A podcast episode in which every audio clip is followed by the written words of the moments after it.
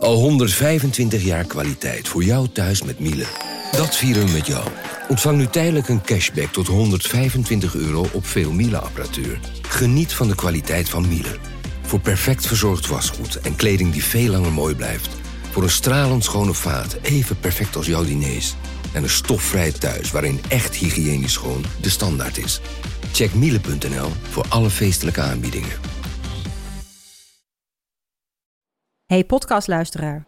Ook op zoek naar een relevante invulling van je schaarse luisteruren? Tune dan in op de podcastserie ESG, even samengevat van BNP Paribas. Wij, Marloes en Aldert, spreken daar duurzame voorlopers en wereldverbeteraars. Waarover dan? Nou, bijvoorbeeld of we ooit duurzaam kunnen gaan vliegen. En waarom koeien in de stad nou een goed idee is? Dat en meer elke twee weken in een nieuwe aflevering. Dus abonneer je. ESG, even samengevat. Vanaf de redactie van NRC het verhaal van vandaag. Mijn naam is Thomas Ruip.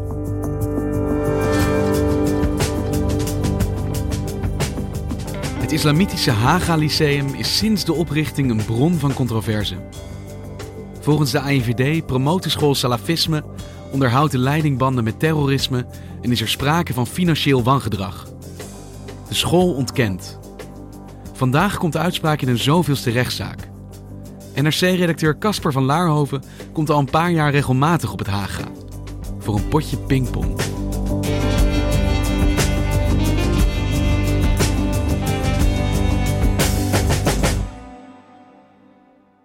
Hey Casper, klopt het dat jij op je allereerste werkdag bij NRC met dit verhaal in aanraking bent gekomen?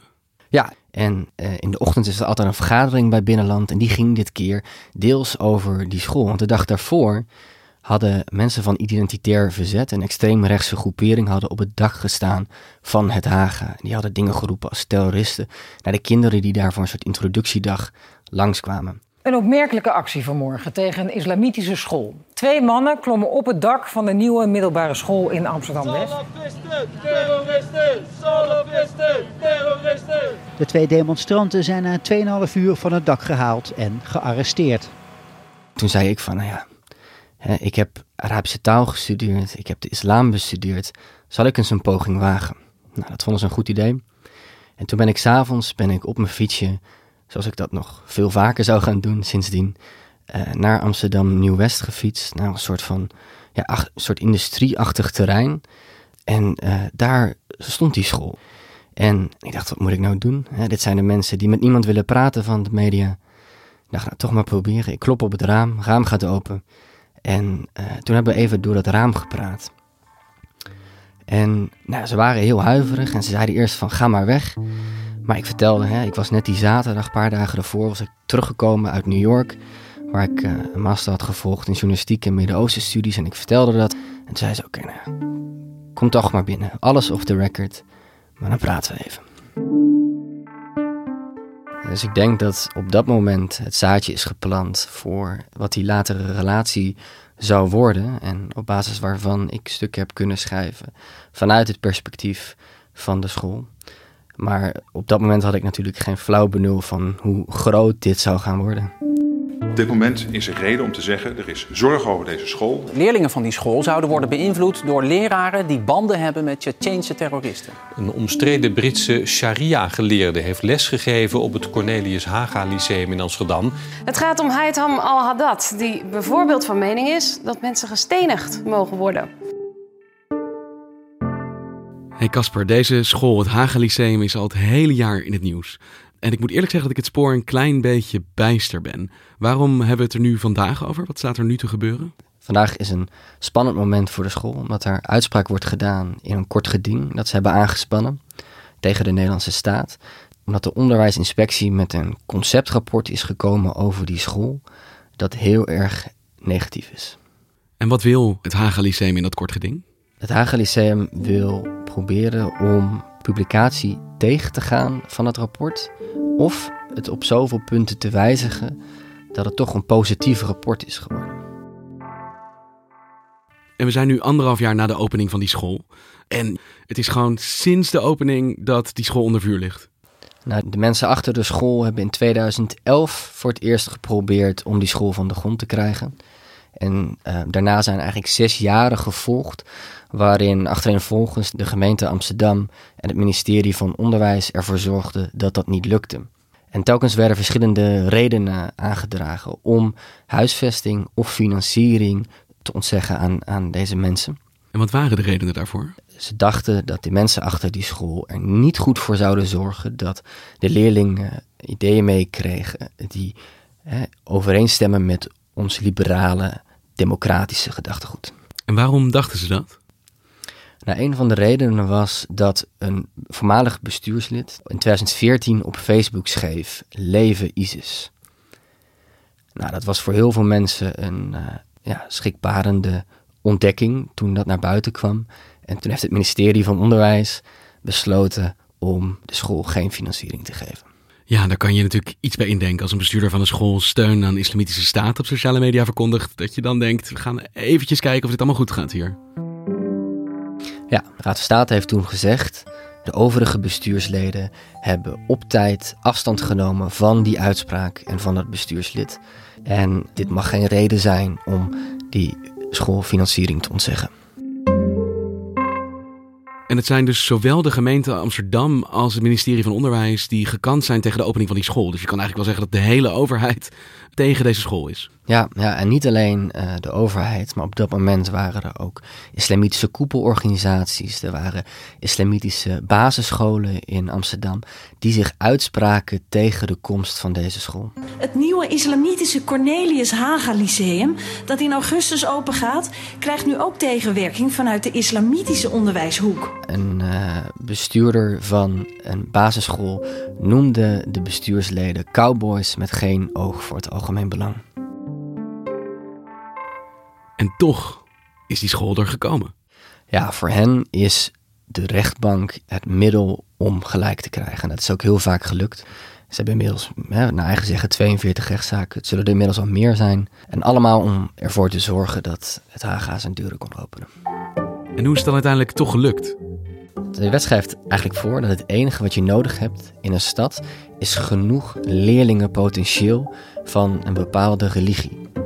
Dus als jij kunt aantonen dat er in Amsterdam in dit geval genoeg islamitische kinderen naar de basisschool gaan, die mogelijk naar jouw islamitische middelbare school gaan, dan kun je een vergunning aanvragen en dan moet de overheid voor huisvesting zorgen en voor financiering. En dat lijkt me in Amsterdam niet moeilijk om aan te tonen. Nee, daar kregen ze inderdaad gelijk in.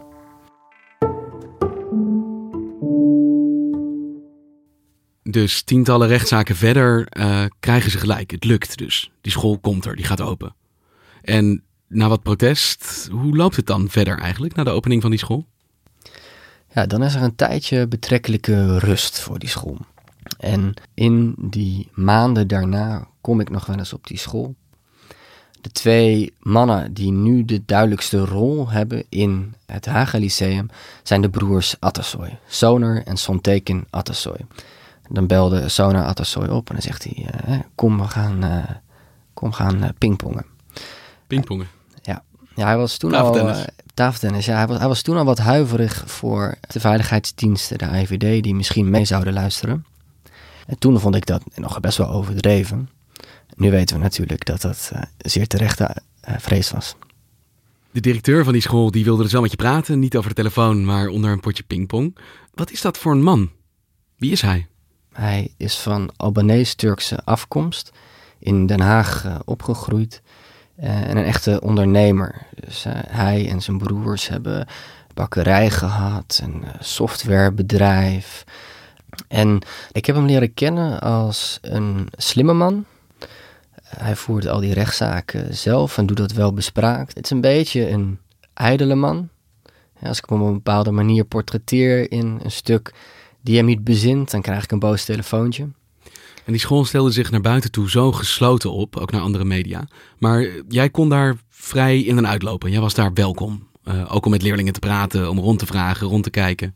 Je moet je voorstellen, het is, hè, die relatie tussen de school en de media is eigenlijk gegaan van complete vijandschap naar een middel dat ze kunnen inzetten om hun geluid naar buiten te brengen. Dus langzaam maar zeker groeide dat vertrouwen en kon ik steeds meer, zonder dat hij erbij was, met leerlingen praten, met docenten. En op een gegeven moment zat ik in die moskee, in die open ruimte. En ik heb daar denk ik een uur gezeten, terwijl die school om mij heen gebeurde.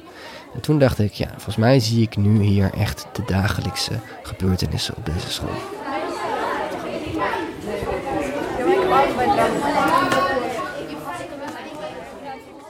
Ik heet Emma. Dit is mijn eerste leerjaar, zeg maar. Dus aan het begin van het jaar ben ik hier gekomen op school. Ik heb ook leerlingen gesproken en het meest opvallende wat ze zeggen is dat ze het A een hele leuke school vinden. Ik kwam de deur binnen en dacht ik, oh, het is wel hier, ik voel me thuis, zeg maar. En uh, iedereen zoals ik. Ja, ik zit toch met mijn eigen gemeenschap, als snap wat ik bedoel. En uh, niet zoals andere scholen. Ze zijn dan bang dat ze op andere scholen misschien gepest worden als ze zouden willen bidden. En ook um, dat ze het fijn vinden dat het een kleine school is. Want hoeveel leerlingen gaan daar naar school? Ja, op dit moment zijn het er bijna 180. En de leerlingen komen niet allemaal uit één stroming binnen de islam. Uh, en ook de docenten niet, zoals de godsdienstleraar is een Soefi. En dat is echt een hele andere richting binnen de islam dan het Wahhabisme en uh, het Salafisme.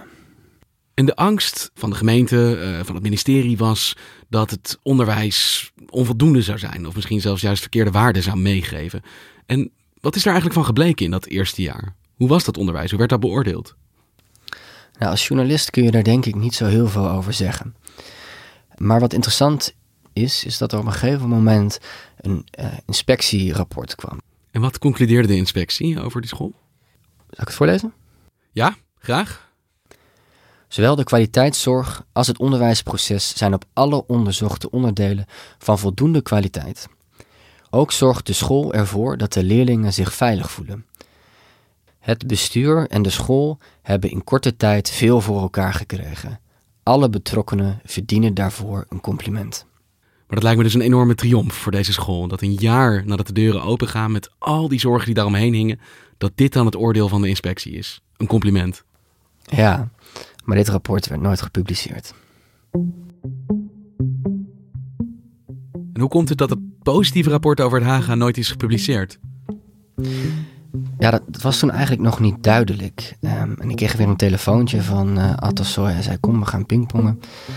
En zij zaten van, ja, we hebben een positief rapport. Wij willen dat rapport. Wij willen erkend worden als een goede school.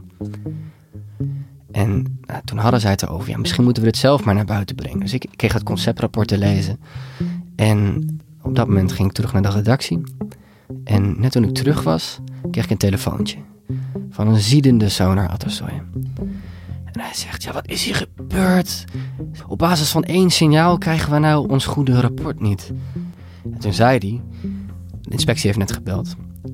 Het conceptrapport, positieve conceptrapport, wordt niet vastgesteld. Want we hebben ernstige signalen ontvangen over jullie school. En wat voor signalen ging dat om? Dat wisten ze niet, dat werd niet verteld. Wij kregen, ontvingen al langer um, uh, signalen vanuit de AIVD en uh, de NCTV. Het lang verwachte antwoord komt dan op 7 maart van dit jaar. Dat er mensen betrokken zijn bij die school die ook relaties zouden kunnen hebben met extremistische organisaties. En dan maken de burgemeester van Amsterdam, Femke Halsema en de NCTV bekend dat er sprake zou zijn van antidemocratisch en anti-integratief onderwijs op het Haga. En wat bedoelen ze daarmee? Nou, er werden eigenlijk drie punten genoemd. Die broers die zouden de school in een salafistische richting willen duwen. De helft van de schooltijd zouden ze willen besteden aan het salafisme. En zelfs buiten de lestijden zouden ze hun leerlingen in hun invloedssfeer willen brengen. Een tweede punt was, en dat had daarmee te maken, dat er uh, verschillende salafistische mannen rondliepen op die school of op die school waren geweest die mogelijk invloed uitoefenen op die kinderen, omdat ze hè, antidemocratische instellingen hadden of hè, omdat ze dat salafisme prediken. En punt drie? Nou, het derde punt was dat die broers banden zouden hebben met een terroristische organisatie in Tsjetsjenië. En ze zouden zelfs die groep gefinancierd hebben. En dat is nogal een beschuldiging. Jij had contact met ze. Wat zeiden zij daarover? Uh, ze ontkenden alles stellig. Ze zeiden van ja, als er bewijzen waren geweest, dan hadden wij nu al op de terrorismeafdeling in Vught gezeten. Maar die bewijzen zijn er niet. Hij zegt, hier klopt niks van, maar ja, de IVD die zegt dit toch niet zomaar, zou je zeggen. Waar baseert die inlichtingendienst zich dan op? Ja, dat is lastig te zeggen, omdat uh, de IVD niks zegt over hun bronnen. Ik ben er natuurlijk wel achteraan gegaan. Ik denk, eh, ja, je bent benieuwd. Um, en ik ben zo achter verschillende verklaringen gekomen die zij hebben gegeven. Nou ja, die band met Tsjetsjenië die zou komen doordat de vrouw van Sona Atassoy, de schooldirecteur, die komt uit Tsjetsjenië. Zij zegt, ja, ik ben er wel eens met mijn autootje heen getuft en dan, ja, dan ontmoet ik die mensen in dat dorp en die schud ik de hand. En die andere beschuldiging, dat ze het salafisme zouden uh, prediken op hun school, wat zeggen ze daarover? Nou, het komt niet overeen met wat ik heb gezien. Um, maar, en dat hebben ze op een gegeven moment gezegd, van ja, we hadden wel een plan om elke ochtend met Koranles te beginnen. Dus dan zouden de eerste 45 minuten van elke schooldag aan de Koran worden besteed. Zijn dit zelf uh, salafisten? Zijn zij fundamentalistische moslims? Kijk, ik heb dingen gezien bij hen waarvan ik denk, ja, dat zou een echt strenge salafist niet doen. Ik heb ze een dansje zien doen, ik heb ze muziek aanzien Geven ze vrouwen een hand? Vrouwen geven ze geen hand. Dus de IVD zegt, er is hier sprake van salafisme, van banden met terrorisme, maar die geven per definitie hun bronnen niet prijs. Dus die zijn voor jou niet te controleren. Die broers zeggen, nee, hier is niks van waar. Dit is helemaal niet hoe wij uh, te werk gaan. Uh, is er dan geen andere instantie daar onderzoek naar kan doen? De onderwijsinspectie bijvoorbeeld, die al eerder met dat rapport kwam. Wat zegt die hier dan over? Ja, de inspectie is op basis van die AIVD-signalen een nieuw onderzoek begonnen. Ze hebben met leerlingen gepraat, met docenten. Ze hebben lessen bijgewoond, onverwacht, om maar een goed beeld te krijgen van hoe gaat het nu eigenlijk op het Haga. En wat blijkt er dan uit dat rapport? Wat is het oordeel van de inspectie? Opvallend genoeg was het oordeel: er is geen sprake van antidemocratisch of salafistisch onderwijs op het Haga.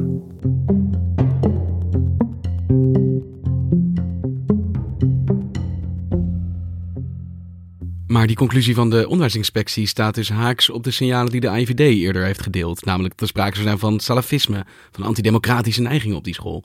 Spreken ze dan elkaar tegen? Ja, dat lijkt zo, maar dat kun je toch niet helemaal zeggen, omdat de IVD andere middelen heeft.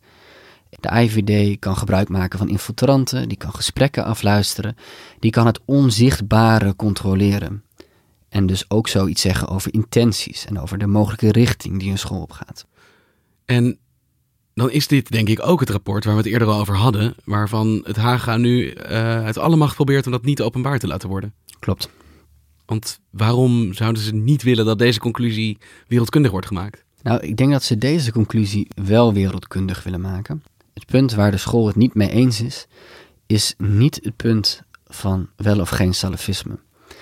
Het gaat over het financiële beleid van de school en het burgerschapsonderwijs.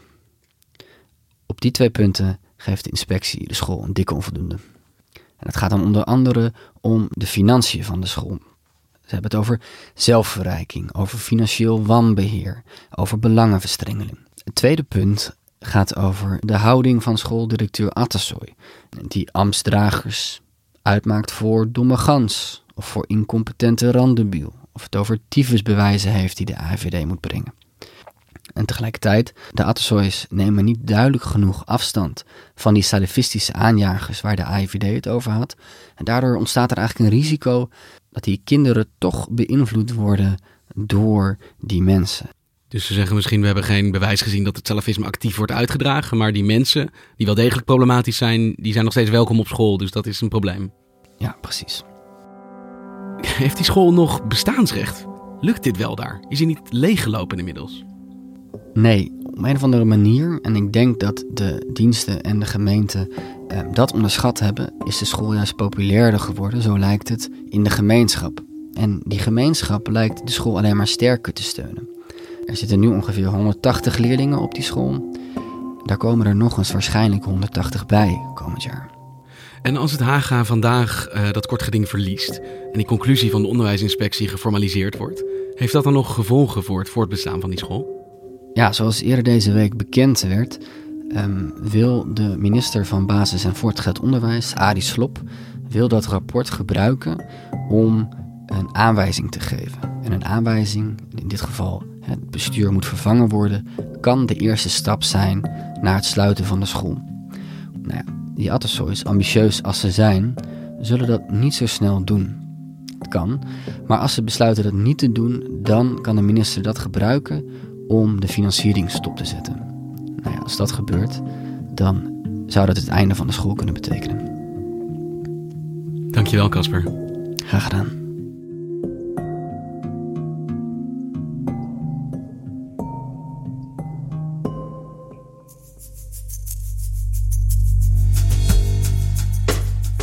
Je luisterde naar vandaag, de podcast van NRC.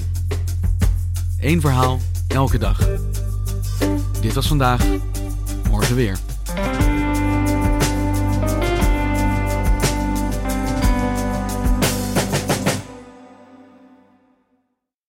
Technologie lijkt tegenwoordig het antwoord op iedere uitdaging. Bij PwC zien we dit anders.